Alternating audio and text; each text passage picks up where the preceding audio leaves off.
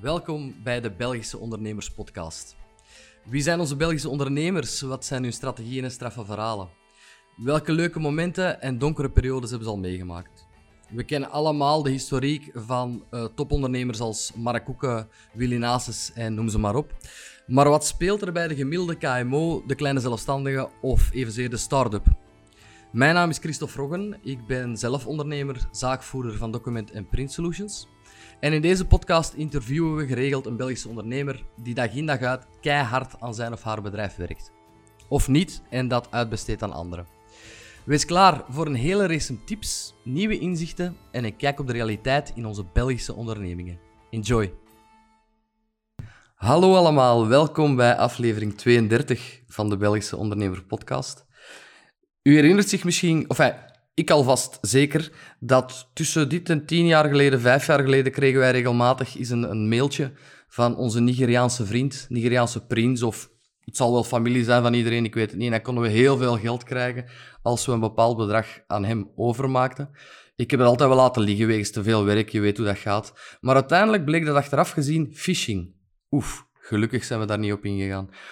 Mijn gast van vandaag, en het is eigenlijk ook een heel actueel onderwerp op dit moment, dat is een expert in phishing. Het treft ook dat zijn bedrijf Fished heet. En dan is de CEO een 24-jarige man die dat drie jaar geleden startte. En ik heet hem heel graag welkom in deze podcast. Welkom, Arnoud van de Meulenbroeke. Hey, goedenavond. Dag Arnoud, hoe gaat het met u? Vrij goed, voor zover dat, dat kan natuurlijk. En mij ja? Ja, ja, oh, maar goed, dank u. Je zet een eerste in 32 afleveringen dat dat vraagt. Maar... Ah, maar kijk. Ik, ik ben helemaal ontredderd. Ja. dank u wel. Nee, ook goed. Um, tot hiertoe. Houd vasthouden. Ik ga het ook niet over mij afroepen, maar nog altijd niet gehackt. Um, wel hebben wij ooit eens een probleem gehad met een werknemer die een e-mailtje dat hij niet mocht openen, had geopend en we waren vertrokken. Dus dat is een soort van hacken, laat ons zeggen. Natuurlijk, um, het is heel actueel, maar laat ons eens beginnen bij het begin. Hoe ben jij in deze materie eigenlijk terechtgekomen en daar expert in geworden? Wat is jouw verhaal? Wat heb je gestudeerd? En, en hoe ben je bij je eerste werkervaring gekomen, Arnoud? Ja, um, wel, dat is natuurlijk een vrij lang verhaal al, al ben ik nog maar 24 jaar. Um, wel, eigenlijk ben ik zo van mijn studie um, ben ik overgegaan naar uh, te werken bij Brimi. Dat is eigenlijk een technologiebedrijf uit Leuven, een Europees technologiebedrijf dat zich specialiseert in het automatiseren van. Um, vroeger was dat dan enkel van pakjes, dus dat was eigenlijk een heel slim pakjesautomaat, om het heel cru te zeggen eigenlijk. Um, maar ze zijn na een tijd ook geëvolueerd naar um, visitor management, virtual receptions en dergelijke meer. Dus ze zijn daar een verder gegroeid. En ja, tijdens mijn studie had ik dat eigenlijk gezien en ik dacht wel, dat is wel echt een toonaangevend bedrijf. Ook de toen, allee, de huidige baas nog altijd, was ook wel Jo van den Berg. Dat is iemand dat mij enorm aansprak. Ja. Um, die is vrij gekend ook in Leuven en omstreken vandaar. Um, en ja, ik heb daar eigenlijk toen een beetje op goed geluk gesolliciteerd. Um, en ze hebben mij die kans gegeven om daar eigenlijk van start te gaan. Dus dat was heel leuk als IT'er dan eigenlijk. Uh, ik was verantwoordelijk dan voor ja, onder andere zo systemen en netwerken, dus zo in die aard. En een van mijn eerste projectjes wel, was eigenlijk om een phishingcampagne op te zetten. Zij hadden last van phishingaanvallen. Ze hadden medewerkers dat daar eigenlijk niet goed mee konden omgaan. Uh-huh. En vandaar was dat eigenlijk een van mijn eerste, ik wil nu niet zeggen mijn eerste, maar een van mijn eerste taken om daar eigenlijk te gaan uitvoeren. En met dat uh, in het achterhoofd ben ik eigenlijk naar de markt gegaan om te kijken van zijn er potentiële nuttige dingen dat wij kunnen gebruiken binnen BringMe toen dan nog, om ja, medewerkers te gaan opleiden ja, tegen het risico toen, dat was dan eind 2017 eigenlijk, was phishing nog een veel minder groot probleem, of het kwam toch veel minder in de media als wat dat nu is. Hè. Je merkt dat nu ook. Nu, allez, het is vandaag de dag nog, straks komt het, uh, is er nog een grote panelreportage daarover, um, waarin dat wij ook actief zijn natuurlijk. Ja. Um, maar je ziet het ook dag na dag terug. Hè. Er komen veel meer bedrijven mee in aanraking. Bijna iedere week is er wel een groot Belgisch bedrijf dat een serieuze aanval meemaakt met als hoofdoorzaak dat phishing is. Ja. Um, maar, zeg maar. Sorry, ik wou zeggen, dus je hebt eigenlijk een, een interne audit gedaan bij BringMe, bij je bedrijf zelf, um, om daar te testen of de phishing goed aansloeg bij de werknemers, wat eigenlijk niet de bedoeling is, maar, maar eigenlijk heb jij een soort van interne audit opgezet de resultaten daarvan uitgerold naar andere bedrijven. En op die manier... Wel, daar is, er, het is al een vrij goede samenvatting, maar er zitten nog wat stappen tussen. Oké. Dus wij hebben dan eigenlijk uh, zo'n test gedaan en daaruit bleek van dat toch wel enkele medewerkers daar gevoelig voor waren, meer dan je zou verwachten. Um, maar het probleem daaraan is, als IT'er ben je, ja, ik zou niet zeggen vrij lui, maar ben je vrij georiënteerd om dingen te automatiseren. Ja. En dat was eigenlijk ook meteen mijn eerste insteek van, oh, ik heb hier heel veel tijd in gestoken voor eigenlijk een vrij ja, povere return. En dan kwam daar nog eens bij dat tooltjes dat je daarvoor moest gebruiken, dat dat heel veel geld kostte. En dat tezamen was eigenlijk ja, een combinatie om te zeggen van, ja, dit is het eigenlijk niet waar.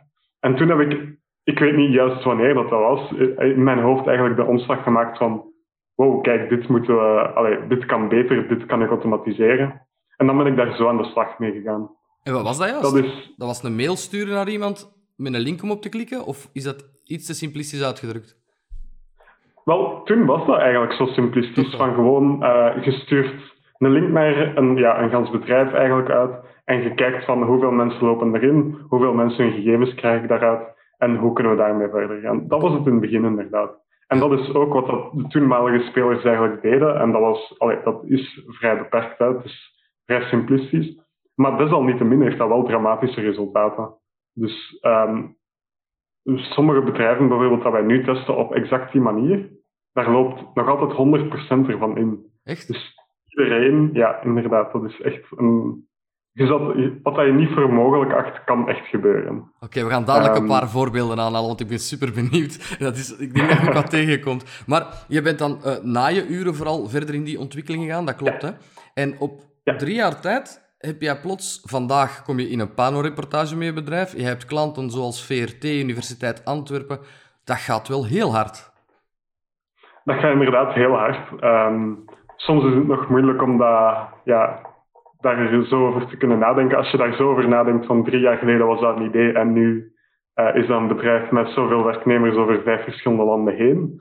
Dat is um, iets heel speciaals. Um, maar daarvoor ben ik ook wel blij van. Um, misschien had je het al gehoord, we hebben vorig jaar onze eerste investeringsronde afgewerkt met mijn toenmalige werkgever. Dat die ons eigenlijk bijstaan met eigenlijk al hun kennis. Want dat was voor ons wel iets heel belangrijk. Op, op zich, cybersecurity is een heel um, lucratieve business. Allee, daar zit heel veel potentieel in. Dat is iets wat dat gekend is. Dus op dat moment dat wij naar geld op zoek waren, konden wij dat wel bij heel veel partijen krijgen. Maar de reden waarom dat wij eigenlijk voor die investeerder hebben gekozen, is gewoon omdat enerzijds we daar een band mee. En anderzijds, die had het effectief ook al gedaan. Die kon ons bijstaan met niet alleen met het kapitaal dat ze erin brengen, wat dat uiteraard ook heel mooi is, maar die kan ons bijbrengen met de struggles dat wij nu aan het facen zijn met internationaliseren.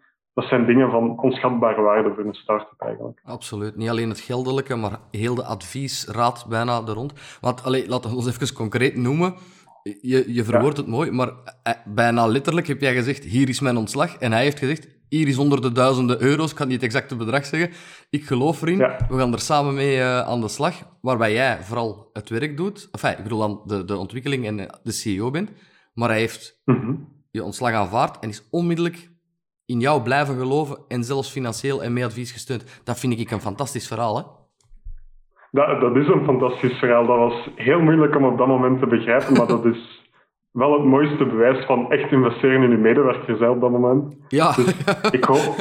dat kun je wel zeggen. Letterlijk dan. Ja. Ehm, dus allee, ik hoop dat ik dat ooit ook kan doen voor een van mijn werknemers, maar dat is iets wat ik enorm apprecieer ook van die investeerder Banjo. Um, ja, dat is zeker. Wel, ik ben wel lekker op een tak aan het springen, maar omdat ik het zo'n fantastisch verhaal vind. Nu, je begon na je uren dat programma, of eh, de, de, de software te fine-tunen. Vertel eens, hoe is dat gegaan? Heb je daar honderden uren in gestoken of ging dat nogal vlot? Wanneer ben je de markt opgegaan? Op welke manier ben je de markt opgegaan? Want ben jij, heb je de VRT gehackt? nee, helaas. Ah, um, dat gaan ze niet zo grappig vinden als ik dat nee. zou zeggen. Um, nee, hoe, ja, hoe dat, eigenlijk is begonnen is inderdaad zo na je uren. Hè. Dat begint heel geleidelijk aan. Het is niet dat je zo vanaf dag één um, heb je een idee en morgen is het er. Mhm. Dat is software dat duurt heel lang om dat te gaan ontwikkelen. Zeker ook op de manier dat wij dat doen. Ehm, de reden waarom dat ik met FIS ben begonnen was eerst voornamelijk automatiseren.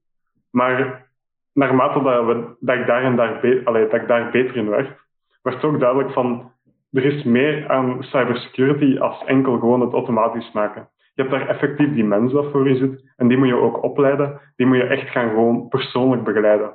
Dat is net zoals bij jou. Als ik u ja, iets persoonlijk ga zeggen, gaat dat veel beter overkomen als ik gewoon iets generiek naar u ga gooien en zeggen van hey, doe dat eens of zo. Correct. Dus dat is eigenlijk, dat was eigenlijk wat dat een insteek was van Fish dan. is geleidelijk aan geëvolueerd natuurlijk.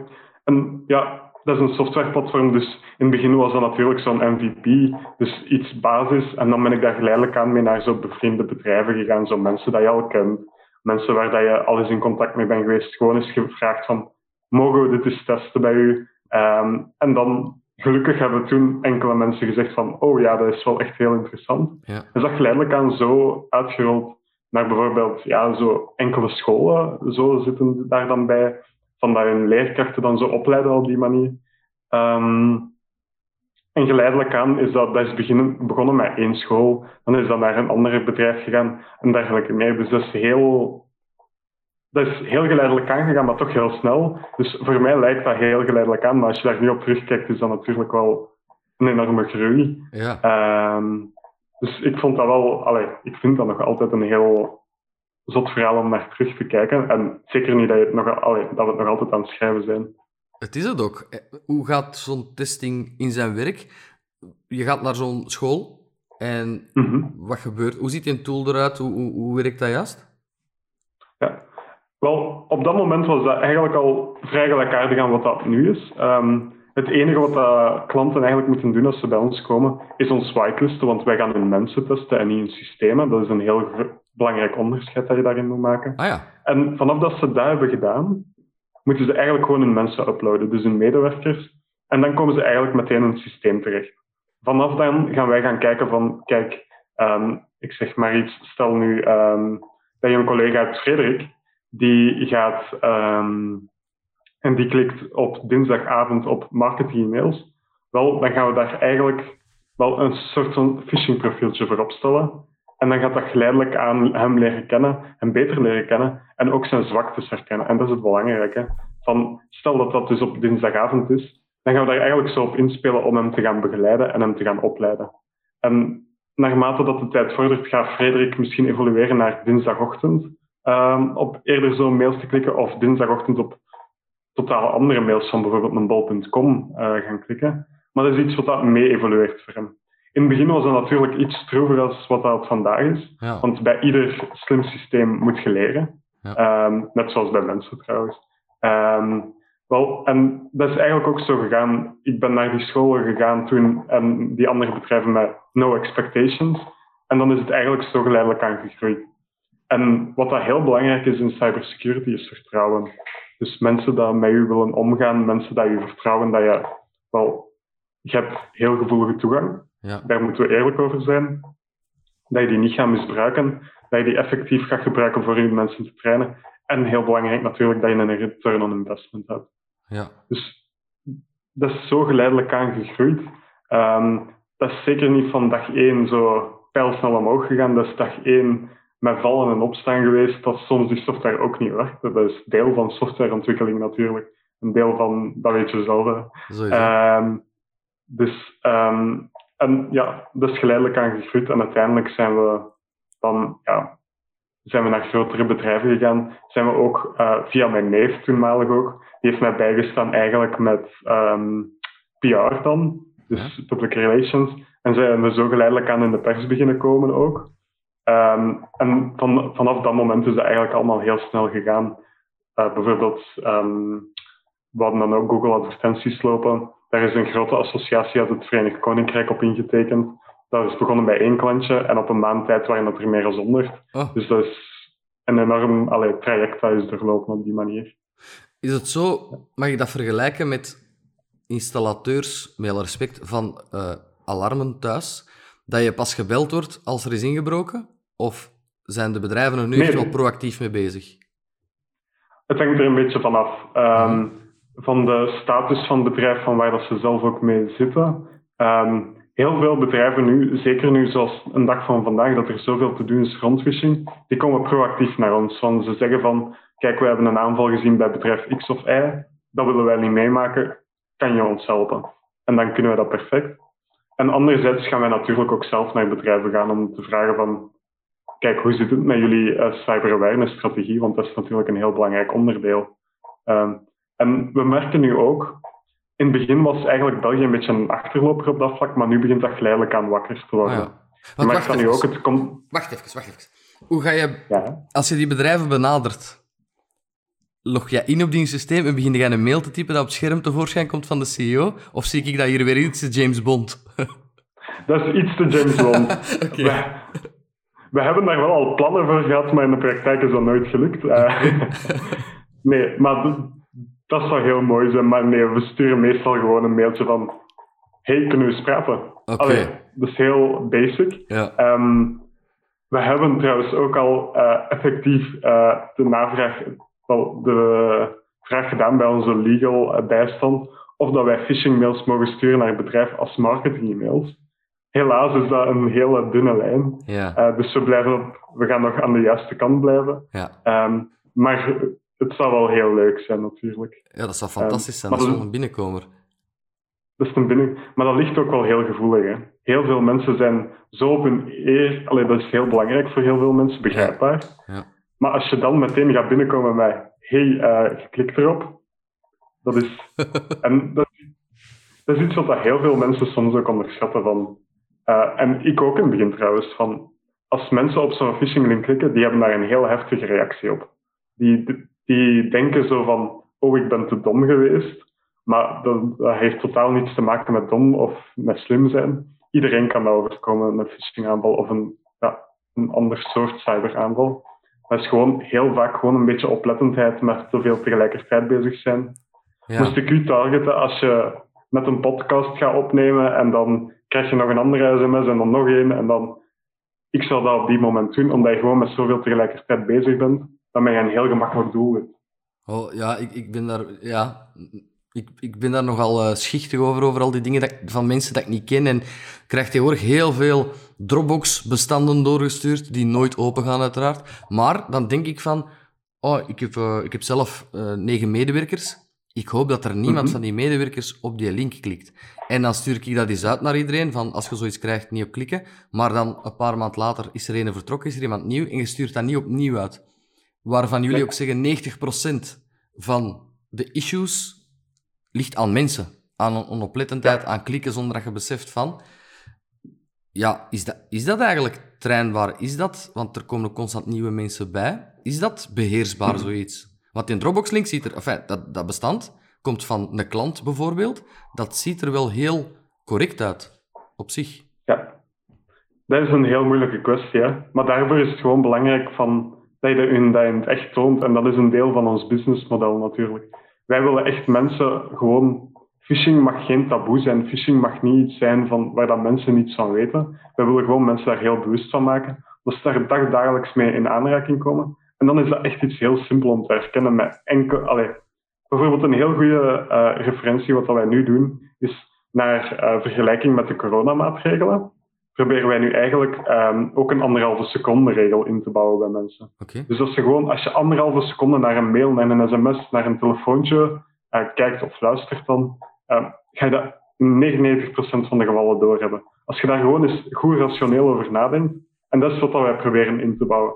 Dat lijkt nu enorm simpel, maar dat is het natuurlijk niet, want je moet dat in het dagdagelijks leven. En dat is iets wat je enkel kunt krijgen door wel doorgedreven opleidingen in de realiteit met opgevolgde um, wel specifieke content dan eigenlijk. Hè. Okay. Uh, eh, wij gaan bijvoorbeeld als wij bij een bedrijf komen, uh, gaan wij inderdaad de phishing simulaties zijn één ding, dus de nabootsingen. Maar we gaan dat opvolgen met ja, echt realistische trainingscontent. Dus stel nu terug naar ons voorbeeld van Frederik. Stel dat hij nog altijd op dinsdagochtend in marketing-e-mails loopt, dan gaan we die daar effectief op wijzen en het hem zeggen. En hem daar ook dan bepaald quizmateriaal, infographics en zo over tonen van kijk Frederik, dit is nu wel echt gevaarlijk wat hij aan het doen bent. En dan gaan we dat er zo proberen uit te krijgen. We gaan echt die nagel op de kop slaan om dat zo te gaan herwerken. Omdat de Fishers zijn routine zien, of hoe... Uh... Moet ik dat begrijpen? Wel, omdat wij merken van dat, de, dat dat zijn zwakte is. En Ja. iedereen heeft een zwakte. Ik heb een zwakte, jij hebt een zwakte. Ja. Ehm, dat is heel logisch. Maar dat is wel belangrijk dat je daar soms op gedrukt wordt. En dat moet niet alleen over die zwakte gaan. Hè. Maar dat gaat gewoon, als je, dat, als je één keer heel goed in aanraking bent gekomen daarmee, dan ga je dat voor ook andere types wel meenemen. Ja. Je merkt dat zo van, misschien is een heel goede referentie daarvoor. Als een klant bij ons begint, ehm, als we die een manuele phishing simulatie sturen, dus een manuele aanval doen eigenlijk, dan gaat er heel vaak meer dan 50% in zo'n aanval klikken. Denk dan zelf aan ehm, de meest getrainde cybersecurity professionals dat er zijn. Zelfs zij gaan erin lopen. Ehm, denk aan grote spelers op vlak van telecom, op vlak van security effectief.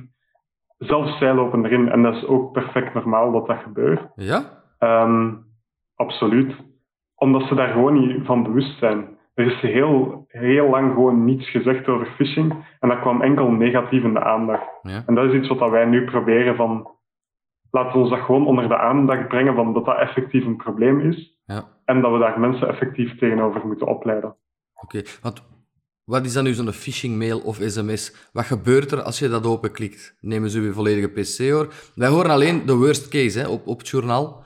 Wij horen alleen Ja. dat er 222.000 miljoen bitcoin moet betaald worden of je krijgt de bestanden niet terug. Hè? Dat is wat je dan hoort. Ja. Maar er zijn heel veel gradaties, neem ik aan. Absoluut. Ehm, wat dan misschien een mooi voorbeeldje is van zo'n gradatie, ehm, wat dat elk jaar weerkomt en ook waarschijnlijk dit jaar, is dat je op het einde van het jaar met de kerstperiode, met de feestperiode eigenlijk, heb je, ehm, ja, iedereen koopt pakjes, iedereen wil aan zijn geliefden dan eigenlijk iets geven. En dan heb je heel vaak zo een grote phishingaanval rond Bpost. Dan vragen ze u om gewoon enkele euro's te betalen, want er zit een pakje vast en ja, je moet dat wel snel betalen. Dat gaat maar over een paar euro. En dat lijkt misschien een heel klein bedrag, maar het kan op, verschillende manieren werken. Enerzijds als je dat naar duizenden mensen tegelijkertijd stuurt en daar betaalt nog maar 10% die 5 euro, dat is een hele hoop geld voor Ja. de crimineel. Of wat je ook heel, va- heel vaak hebt, is dat, ehm, wat dat bijvoorbeeld in die Pano-reportage gaat gebeuren, is dat ze dan eigenlijk inloggen op je bankgegevens en dan heb je zo'n worst case ehm, scenario eigenlijk. Dat je met duizenden euro's plots dat je dat kwijt bent. Die persoon over, dat dan straks eh, in de reportage komt, die is eh, tienduizenden euro's kwijt. Gewoon door iets te verkopen op eh, tweedehands.be en eh, is in te loggen met zijn gegevens. Ja, maar allee, ik ga nooit, en ik hoop velen met mij, als je een mail krijgt voor een klein bedrag te storten. Wie doet dat? Dat doet toch niemand? Dat doen veel meer mensen dan dat je zelf denkt. En ik denk ook, van, dat is heel logisch dat je denkt van, dat jij daar nooit zou inlopen. Maar als dat een goede aanval is, dan is dat heel geloofwaardig. Dan is dat iets waar dat je niet van denkt van, oh, dit is verdacht. Ik kan u garanderen van, zelfs de meest getrainde professionals, dat je denkt, zelfs degenen die in de media komen daaromtrent, zijn vatbaar voor. Ja, want phishing is uiteindelijk gewoon iemand misleiden. Ja. Daar komt het op neer. Ja. En echt kan dat ook gebeuren, dus dat kan zeker ook gebeuren op een computer, want je hebt veel minder herkenningsaspecten.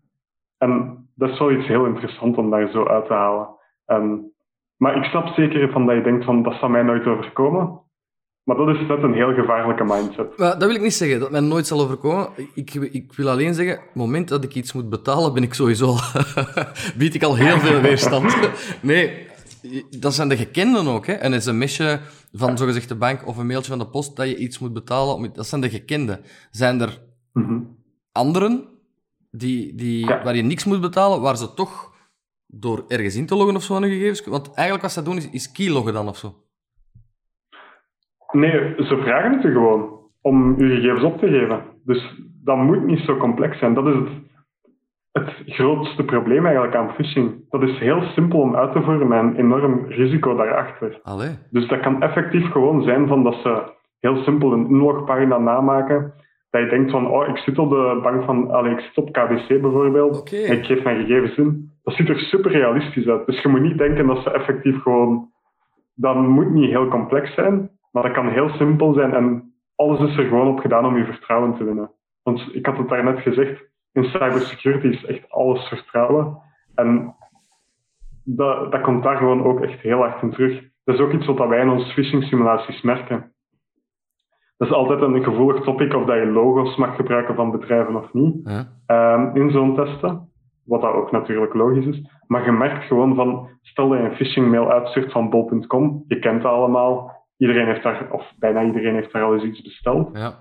Die percentages van klikratio's of gegevensingaven liggen zoveel hoger als gewoon at random. Begrijp ik. Ja. En dan heb je, of wat je ook hebt, is zo van, ja, onder collega's is het nog veel erger natuurlijk. Je hebt zo'n, allee, zeker nu heb je toch zo nog altijd die collegialiteit. Je zit al van thuis te werken en ja, je moet toch elkaar helpen. Heel veel mensen zijn daar heel rap in.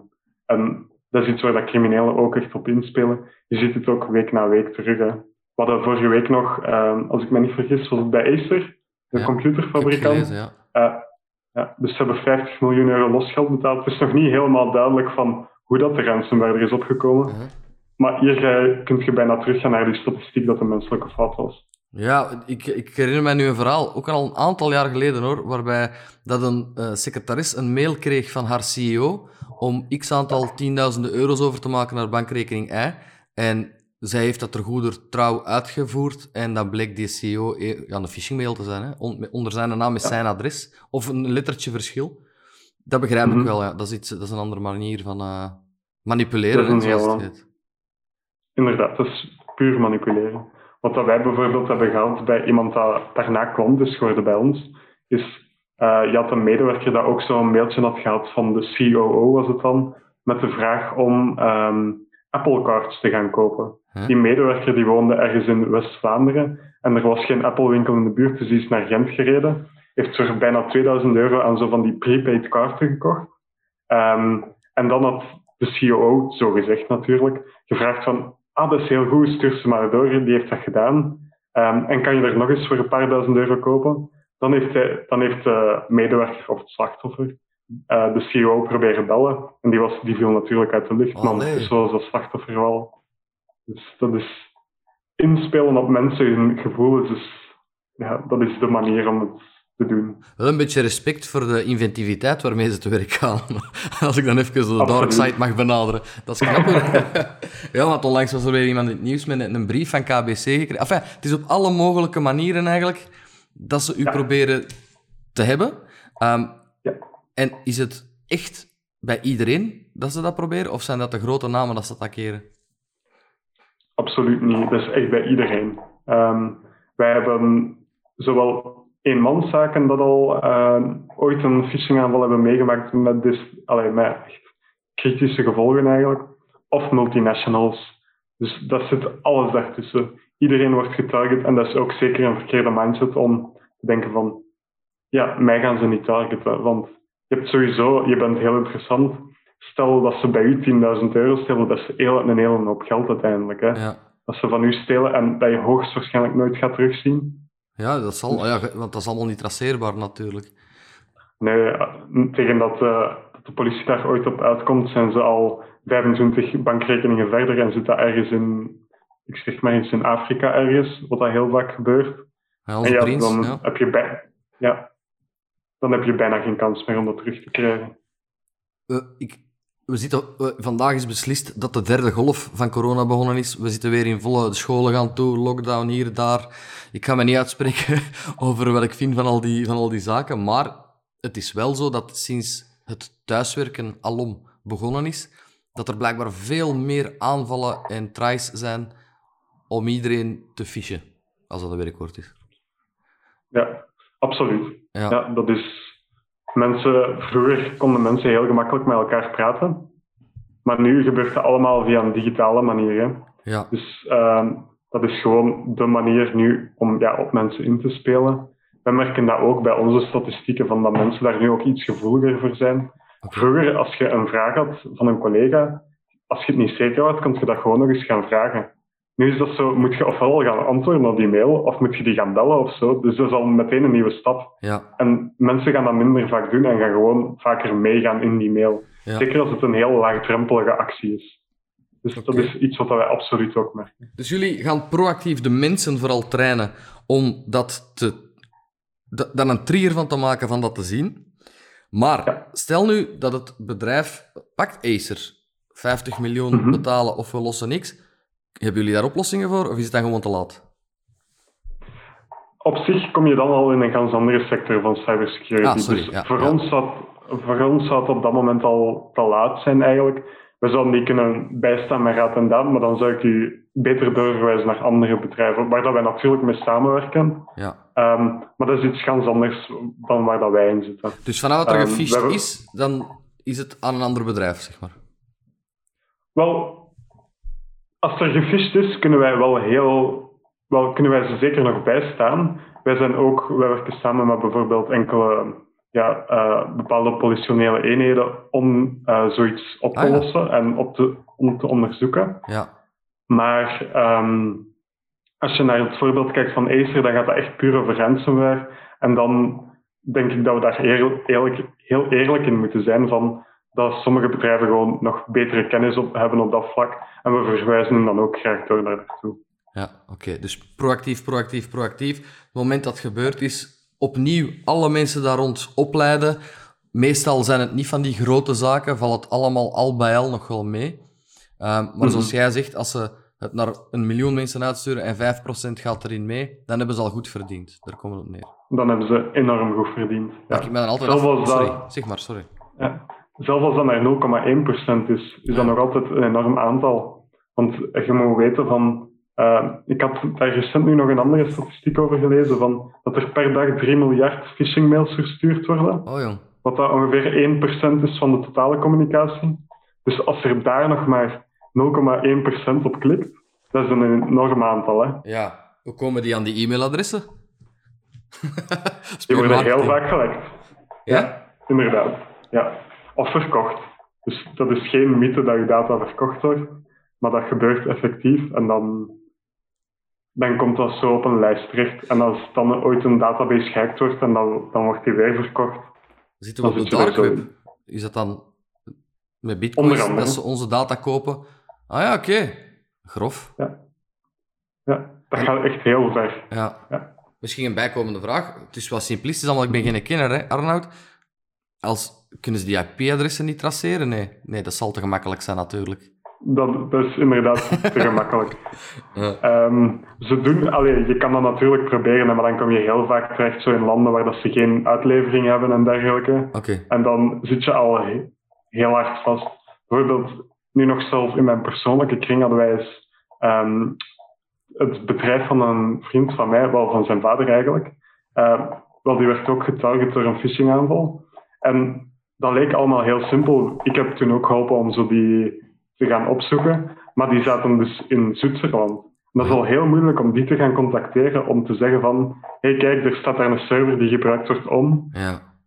tegen dat dat ooit uitkomt, is die al lang offline gehaald en weet niemand meer van waar dat dan naartoe gaat en dergelijke.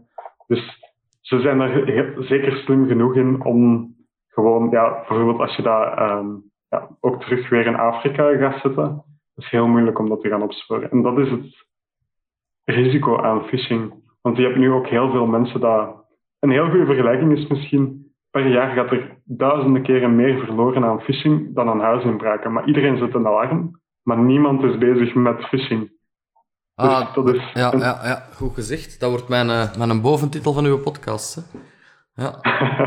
En eh, ja, dat zijn dan allemaal IT-whiskids of zo. De, de, de nerds nemen de wereld over, als ik het zo lelijk mag uitdrukken. Je Dat is dat zo denken. ja? Nee, zeker niet. Dat kunnen... In de IT-wereld had je daar vroeger zo'n term voor scriptkiddies zijn, dus mensen dat er eigenlijk niks van weten, dat toch zo gewoon iets kopiëren. Dat kan ook zoiets gewoon zijn. De echte, de toppers, die maken zo'n panel aan, Mhm. die, ehm, en dan verkopen die dat ook gewoon door aan de potentiële criminelen dan. En dat is echt iets heel simpel.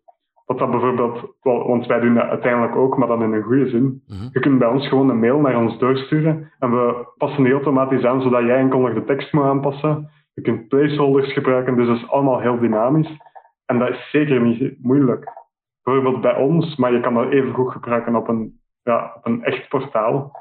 gebruiken mensen van het office departement, dus die hebben daar zeker niet, allee, niet echt de nodige technische aanleg voor. Nee. Zelfs zij kunnen gewoon zelf phishing mails opstellen en effectief hun collega's fishen.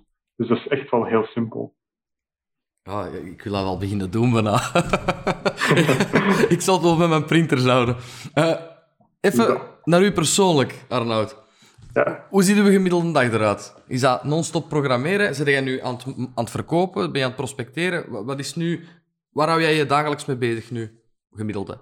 Wel, dat is heel gevarieerd eigenlijk. Um, ik denk dat het grootste deel van mijn dag is natuurlijk ook bezighouden met de effectieve groei dat we nu aan het doormaken zijn. Alles moet gepland worden, alles moet zorgen dat iedereen het juist uitvoert. Je team gaan managen, dat is ook iets wat je niet mag uh, gaan onderschatten.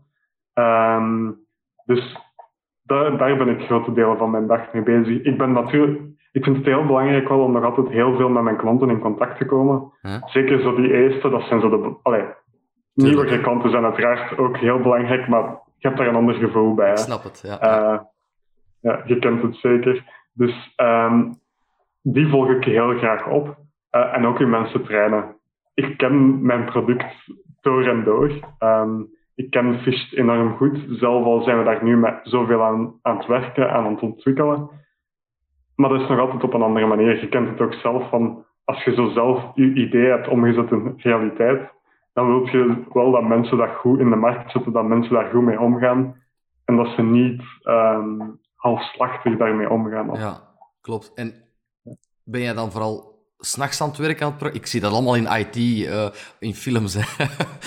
ben, jij, ben, jij vooral, ben jij gewoon um, ehm, 9 to 5 aan het werken? Of zijn dat echt wel lange uren dat je tegenwoordig klopt? Ik vraag het maar omdat het altijd interessant is om te weten, een ondernemer, wanneer begint hij, wanneer staat hij op, wanneer stopt hij, neemt hij nog wel tijd voor zijn privé? Dat is belangrijk soms in onze podcast om te weten.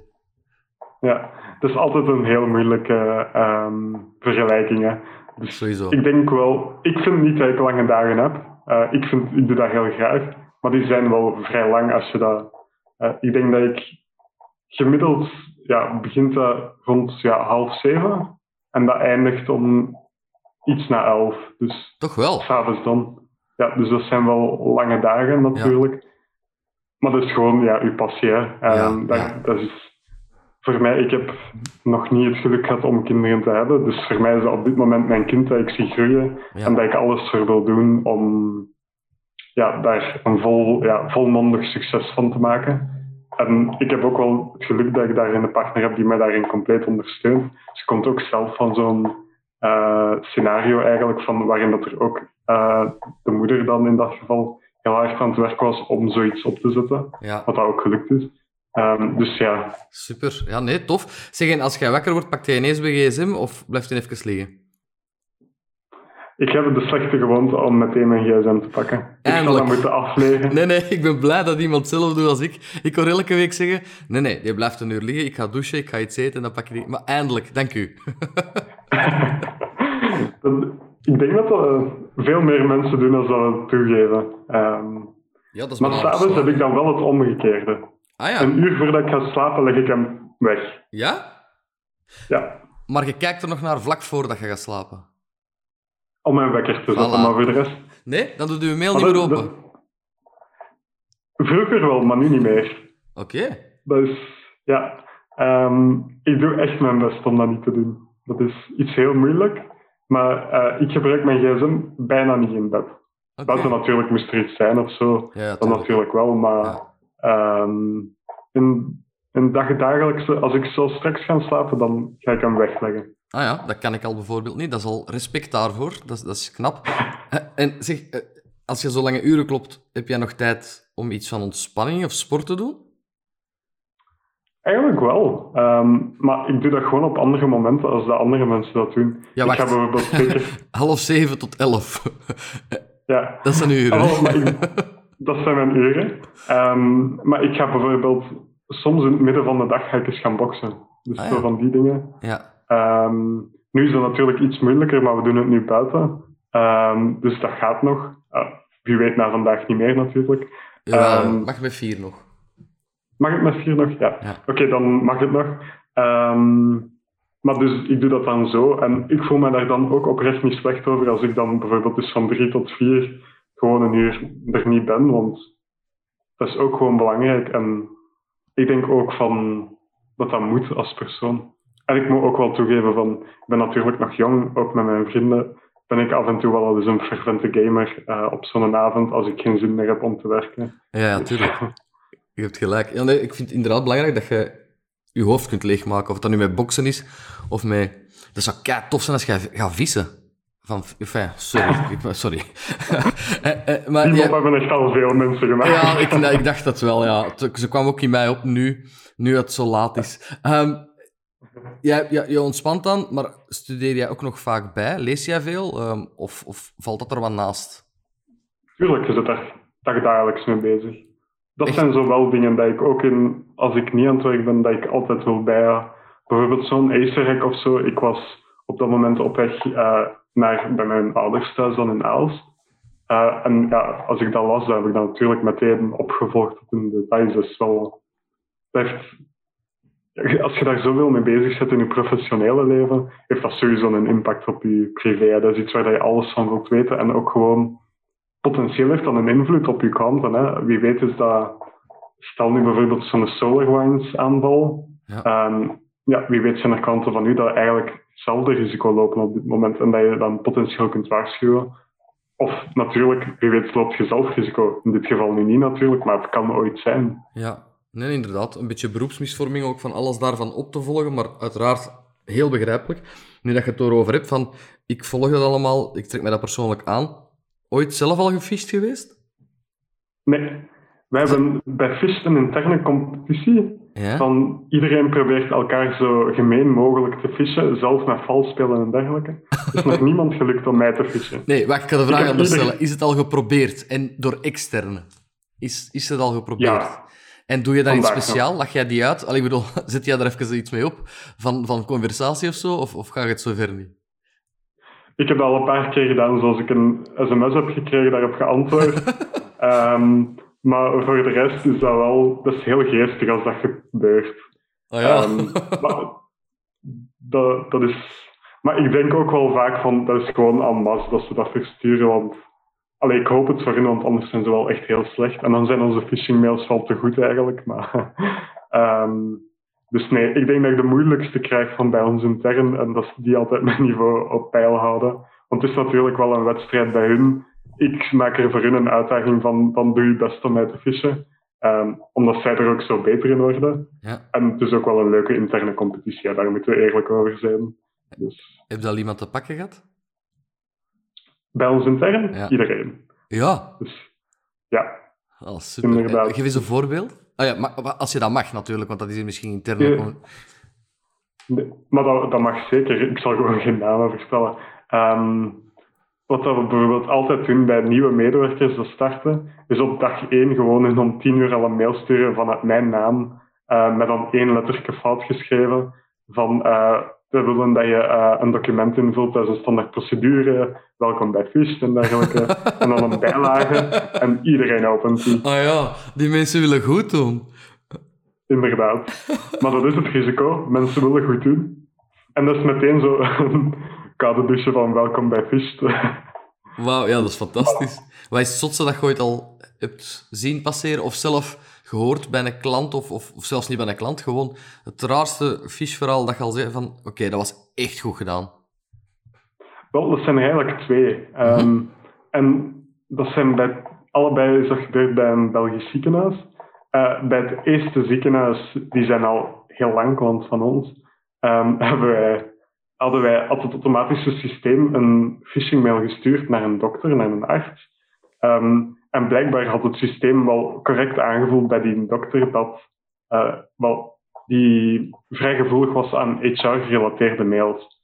Dus het systeem had erop gevonden van, kijk, ik ga die persoon targeten op zondagavond met een ontslagbrief. Oh. Dus het systeem heeft dat effectief ook verstuurd. Die een arts zat um, wel in... Ja, die was gaan eten met zijn familie. Het was pre-coronatijd. Um, ja, die kon er natuurlijk niet mee lachen die is daar furieus geworden. Die is ja, echt gewoon kwaad vertrokken. Uh, dat is een bom ontploft op dat ziekenhuis. van, die heeft dat doorgestuurd naar een algemeen directeur en dergelijke. Ehm, om dan uiteindelijk gewoon uit te komen van, kijk, het was een phishing test. Wauw. Ehm, ze waren niet echt super blij op dat moment. Ehm, ze hebben daar wel één belangrijke side note. Je kan dat kiezen van hoe ver dat wij mogen gaan. ja, ja, Ze hadden gezegd van, je mocht zo ver gaan als dat nodig is. Dus we hebben dat gedaan. Die een arts kon daar op dat moment niet mee lachen, maar sindsdien is hij nooit meer gefisht geweest. Dus het is Hey. een afweging. Ja, maar niemand Eh. verwacht dat je zo ver gaat. Je mag gaan zover je wil. Dat verwacht niemand. Hè? Dus dat is de ultieme test eigenlijk. Is goed gelukt. het is goed gelukt. Ik ben ook ooit ontslagen dat uit het is-. Ja, dus dat is... dat was een heel goede test voor ons en ook een heel mooie case natuurlijk. Je bent aan het Ehm, vertellen, en door het systeem, sorry dat ik onderbreek, maar ik ga het even voor toelichten voor degenen die aan het luisteren en het kijken zijn. Eh, het systeem zelf doet dat allemaal, dat is eh, AI. Ja, Oké. inderdaad. Dus Ja. die heeft dat eigenlijk... ehm, dus het systeem is zelflerend. Vanaf dat een ontvanger bij ons begint, gaan we eigenlijk kijken naar de functie. Stel dat dat een dokter is, dan weten wij van die 100.000 ontvangers dat wij hebben van vrij goed van waarin zal een dokter initieel inlopen, wat, wat is zijn risicoprofiel. En van daaruit gaan we vertrekken. Stel dat jij een dokter zou zijn, dan gaan we zeggen van, ah ja, kijk, op, ehm, ik zeg maar iets, op donderdagmiddag zou je gevoelig zijn voor eh, mails rond eh, KWS bijvoorbeeld, zo dat managementsysteem dat ze heel vaak gebruiken. Ehm, zo van die zaken. En daar gaan we dan op inspelen. Maar dan, na een tijd dat je andere gewoontes begint te creëren, zowel zichtbaar als onzichtbaar gewoon scrollen in je mail, dan gaan we daar eigenlijk gewoon op inspelen, op basis van gewoon dat algoritme. En dat lijkt misschien nu straf van zo van dat scrollen en zo, maar het enige wat dat wij doen, is eigenlijk wat dat een marketingbedrijf doet op dat vlak. Wij doen niets wat dan een crimineel of een marketingbedrijf, ik ga daar geen analogie tussen maken, maar eh, niet kan doen. Maar wij gaan effectief gewoon kijken van wat dat er zichtbaar is voor externe. En op basis daarvan gaan wij data verzamelen, data verwerken, in een enorm grote pot gooien van miljoenen events ja, per dag eigenlijk nu al.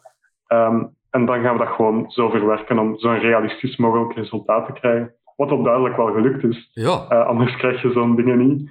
Ehm, dat is natuurlijk ook een heel goede afweging dat wij moeten maken van op welk moment zijn we te, goed, allee, te realistisch. dat is delicaat, Ehm. hè, man. Want als die een dokter echt razend is en die haalt daar ineens uit naar iemand, al is het verbaal, en die zegt dingen dat hij nooit had mogen zeggen, ja, dan, dan zitten we met een ander verhaal natuurlijk.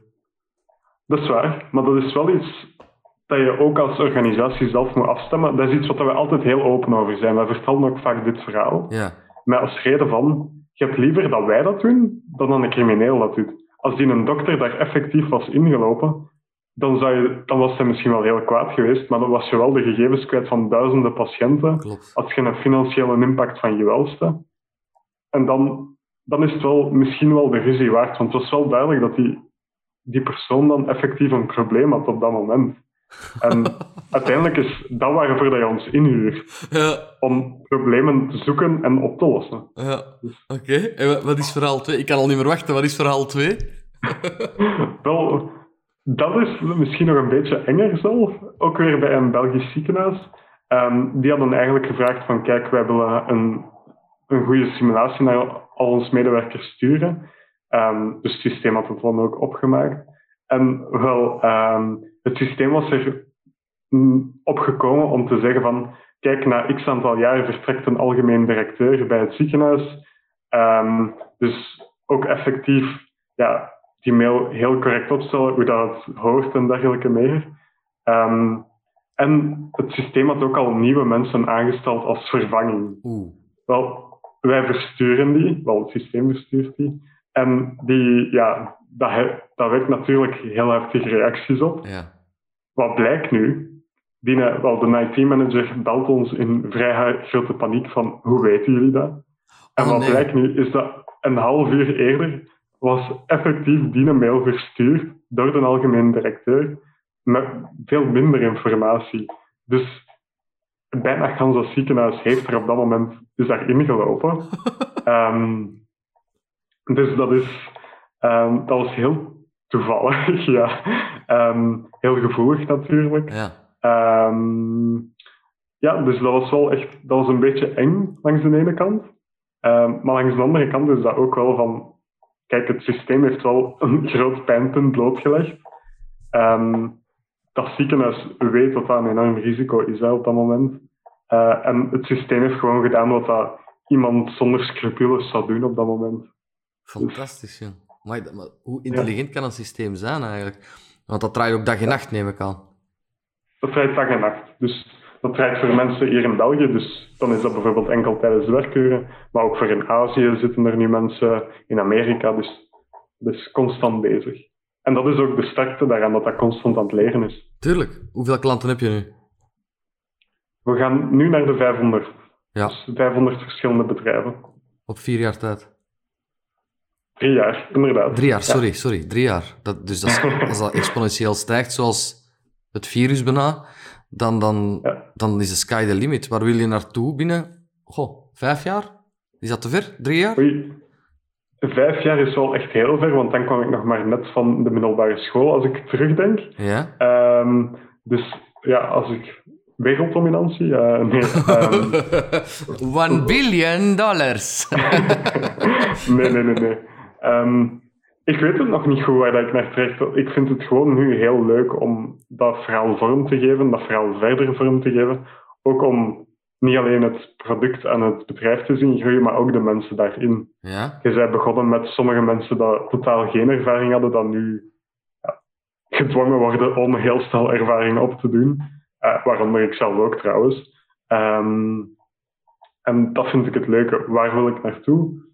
Ik heb niet zo een eindbedrag of een einddoel in mijn hoofd om te zeggen van, oh kijk, op dat moment stoppen we ermee, op dat moment is het genoeg, dan verkopen we het. Of zeker niet. Want nee, nee. Maar is het de bedoeling om ooit te verkopen? Of is het de bedoeling om in een vijf jaar inderdaad in 75 landen aanwezig te zijn? Wat is nu de ambitie dat je nu voor ogen hebt? Waar, waar werk je nu naartoe? Waar dat we nu naartoe uh, werken is inderdaad eerder zo die internationalisatie. We zijn er van het jaar mee gestart met naar die vijf landen te gaan, al fysiek. Um, maar het is inderdaad de ambitie om gewoon eigenlijk wereldwijd actief te zijn. Zowel wel digitaal gaat veel gemakkelijker zijn, maar ook effectief fysiek daar een kantoor hebben en dergelijke. Dus dat is eigenlijk onze ambitie.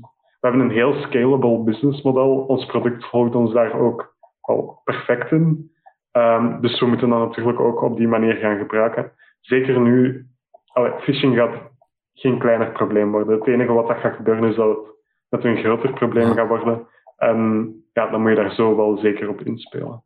Het zal weer een heel bijna naïeve vraag zijn, maar als dat AI is en zichzelf al die dingen aanleert, moet je daar eigenlijk nog veel aan doen? ja, want je moet die wel voeden. Dus um, die events zijn één ding, maar anderzijds moet je natuurlijk wel content geven, content inputten. Uh, zo kan je bijvoorbeeld kijken naar zo vandaag. In België gaan nu zo mails rond de coronamaatregelen. Mm Dat gaat enorm goed werken. En waarschijnlijk als we naar de statistieken kijken, gaat dat enorm goed gewerkt hebben. Ja. Dus zo'n dingen, dat kan het systeem op dit moment nog niet weten. En dat zijn dingen waar wij dagelijks ook mee bezig zijn. We hebben daar mensen voor in huis. Dat dat effectief ook gewoon dat dat een job is content specialisten, die daar eigenlijk op die manier gaan op inspelen. Dat snap ik. Maar wat ik mij dan afvraag daarbij is, je gaat op dit moment naar vijf landen extern fysiek ook. Is dat dan sales? Mhm. Is het dan puur sales of is dat... Voornamelijk. Ja, dus het is echt dus voor de verkoop. Wat, het is voor de verkoop, ook hier weer gewoon om die vertrouwensband op te wekken. Als je een bedrijf hebt dat ook lokaal zit, ga je daar heel wel veel geneigder mee zijn om te gaan samenwerken. Dat is wat we proberen te doen. Oké. En misschien ook nog één ding dat we daar altijd bij doen, is we zetten daar ook altijd weer zo'n content specialist bij. Mhm. Als we actief zijn in een land, dan willen we niet dat dat zo halve mails zijn, want de cultuur in Nederland is anders dan die van bij ons bijvoorbeeld. Dan moeten dat echt effectief mensen zijn dat vandaar zijn, dat daar geboren en getogen zijn, bij wijze van spreken. Dat die cultuur kennen, om dan ook die content te maken, zodat het systeem ook zo realistisch mogelijk kan zijn. Um, dat is een fout dat heel veel spelers hebben gemaakt in het verleden. Uh, die nog totaal niet zo ver stonden als wij natuurlijk. Ja. Uh, dat ga ik natuurlijk zeggen. Um, maar um, ja, en dat is iets wat wij niet willen doen. Wij willen effectief zo realistisch mogelijk zijn. En dan moet je daar ook op gewoon inzetten en investeren. 100%, heel clever. Doe jij die selecties zelf? Van wat bedoel je? De, nieuwe mensen? Ik probeer dat te doen, maar ik ben daar niet altijd bij. Ehm, ik heb wel het geluk dat ik wel goede mensen heb die dat ook voor mij kunnen doen. Ze kennen mijn, ehm, ik zal niet zeggen smaak, maar allee, ja, voorkeur van wat ik zoek, vereisten inderdaad, Ehm, zoeken mensen wel echt heel goed. En meestal, als ik met zo'n mensen spreek, dan is dat voor een paar minuutjes en dan ga ik meestal al weten van, gaat dat een match zijn met Fist, ja of nee? Ja, ik vraag Ik het probeer om- wel met iedereen. Sorry, zeg maar. Met iedereen? Ah, ik probeer met iedereen wel te spreken dat bij ons Ja. Ik, ik vraag het omdat we tijdens deze podcast, ik, ik merk dat nu zelf, een klein beetje aan het vergeten zijn dat je nog maar 24 bent. Hè? Dat is waar. Ja, dat is dat niet zo simpel van zomaar mensen te gaan aannemen en, en die feeling te hebben. En, dus vandaar dat ik de vraag heb Nee. gesteld. Het, eh, respect en chapeau voor waar je op dit moment staat, hoor. Of zit. Het is, eh, dat is heel sterk. Dank u. Ja, dat is knap. Ja, Ah, dank. ge- geef mij eens... Ik wil vijf vragen, maar ik ga het op drie houden. Drie tips voor de mensen die nu luis- luisteren, die een bedrijf hebben, of in een bedrijf werkzaam zijn. dat zijn de meeste dan. Mhm. om phishing ja, tegen te gaan, kan ik niet zeggen. Maar om te vermijden dat je klikt of gefisht wordt. Ja. Wel, de eerste en de meest belangrijke reden is eigenlijk al meteen gewoon gebruik je logisch verstand. Ja. Als je met een e-mail of gewoon eigenlijk met je computer zou omgaan alsof dat je, wel, alsof dat een tekst is, alsof dat je het in tekst zou doen, dan ga je in, weer in 99% van de gevallen niet gefisht worden. Dus dat is echt gewoon de beste reden. De, volgende redenen die werken heel goed, maar als je gewoon even kritisch nadenkt over iets, dan ga je hoogstwaarschijnlijk nooit gefisht worden. Ehm, de tweede reden dat ik zou geven is van kijk altijd naar zo, als het een mail is, kijk naar die domeinnamen. Ehm boil- Boil.com is niet hetzelfde als bol.com. vrtt.be is niet hetzelfde als vrt.be. Dus zo van die dingen. Dat zijn kleine schrijfwatjes als ze erin doen, typo squatting. Maar dat zijn wel heel belangrijke redenen. En een, wel een derde ding, als het dan puur over e-mails gaat, is ga altijd over de link hoveren. Dus ga altijd daar eh, even met je muisje overhangen of met je gsm even op de link die induwen, Ja. zodat je ziet van waar dat je naartoe gaat. Ah ja. Want het is een verschil met de tekst die in het blauw staat vaak, of de knop, en waar dat je effectief naartoe gaat. Dan komt daar, als je daar even met je muis gaat overhangen, komt het daar bovenop. Als je dat eens zou proberen in een mail, ga je dat meteen zien. Oké. En dan ga je heel vaak zien van dat dat niet klopt. Oké, waardevol. Nog één vraagje daarbij, omdat je nou zegt van die gsm. Als ik op mijn, Ja. mijn iPhone een mail, een link openklik, heb ik dan ook prijs? Mhm. Absoluut. Ah, ik dacht dat dat... Oké. Nee, dat is echt een misconceptie dat iPhones je volledig gaan beschermen. Die gaan heel veel tegenhouden. Hè. Die gaan 99% waarschijnlijk tegenhouden. Maar je wilt niet die 1% zijn, want als je die 1% bent, dan, dan heb je er veel aan dat die 99% Ja, tegenhouden. Nee, ik verwijt Ehm. omdat je op die gsm op die link klikt, dat dan een ander gegeven is dan op een pc op die link klikken. Omdat dat Ja. een gsm is, maar dat is niet zo. Het is natuurlijk het is iets minder, dat moet ik wel toegeven, maar het is wel effectief nog een groot risico. Wat dat wij bijvoorbeeld merken uit onze eigen statistieken, is dat, dat het eigenlijk 50-50 is. Of dat mensen nu op een gsm of op een desktop klikken. Dus van die zaken. Ja. Wat hij bijvoorbeeld ziet, is dat s ochtends dan meer mensen op een gsm eh, klikken en s'avonds dan ook weer. Ja. Heel logisch, als Ja. ze in bed liggen, zoals dat we daarnet zeiden. Hè. Dus zo van die dingen, dan merk je heel goed in je statistieken van ja, wat zijn nu de gevoeligste momenten en dergelijke. Ah, super waardevol. Dankjewel, Arnoud. Eén vraagje nog, waar ik altijd mee afsluit. Welke tip, Ja. welke tip geef je aan jezelf als je vandaag terugstart? Dat is nog niet zo heel lang geleden bij u. Welke tip zou je jezelf geven, wetende wat je vandaag weet? Oeh, dat is een moeilijke natuurlijk. Ehm, ik zou zeggen, gewoon ehm, wees koppig en zet door. Zelf als mensen zeggen van dat er niet zoveel van weten van dat gaat nooit iets worden. Je hebt natuurlijk verschillende aspecten, maar er waren mensen in het begin dat zeiden van oh, phishing dat is geen probleem, je kunt daar geen business van maken. Dus wees koppig en zet door. Dat zou iets zijn dat ik nog aan mezelf zou zeggen. Ja, en eigenlijk aan iedereen die met een onderneming wilt starten. Wees koppig en zet door. Als je erin gelooft, gaat ervoor. En eh, ja. Ja. ontzettend, nogmaals, ontzettend veel respect voor eh, waar jij nu al eh, beland bent. Ik wens jou een gouden toekomst. Ik ga eh, heel even afscheid nemen van kijker en luisteraar. Kom dadelijk bij u terug. Ja, dankjewel. Zo, iedereen. Um, goh, ik ga het zeggen. Ik voelde mij als een fishy in het water. Enfin, uh, wat, wat, een waardevolle podcast, wat een belachelijke mop, wat een hele leuke bijdrage van Arnoud. Ik hoop dat jullie er allemaal iets van opgestoken hebben. Ik alvast wel. Het was echt concrete info die we allemaal kunnen gebruiken. Ik zou zeggen, neem zeker contact op met Arnoud. Uh, ik zal zijn gegevens, of de website van zijn bedrijf erbij zetten in de credentials. Uh, wanneer je denkt dat, dat hij iets kan uh, bijbrengen omtrent phishing in uw bedrijf. Ik wil nog verwijzen naar Belgische ondernemers op Instagram, Facebook, LinkedIn. En dat zal het zo wel zijn. Um, mailtje mag je altijd sturen. Een mailtje om uh, mee te doen of om iemand aan te prijzen die kan meedoen. Of om kritiek te geven op info.belgische-ondernemers.be. En ik zie, hoor en praat jullie graag volgende keer er weer terug bij. Dank jullie wel voor het luisteren. Arnoud, ik wil jou ook nogmaals bedanken om er hierbij te zijn. Ik hoop dat je het een leuke podcast vond. Het is altijd een beetje anders hier. Ja, nee, zeker. Ik vond het een heel leuke ervaring. En het was ook een... Allee, je bent een leuke gespreksleider, dus ook merci. Ah, dank u. maar man, van begin tot einde heb jij mij mee complimenten gegeven. Ik ga je gewoon volgend jaar terugvragen om te vragen waar dat je nu staat. en als je terug dus begint met hoe gaat het met u, dan mag je het jaar daarna ook terugkomen.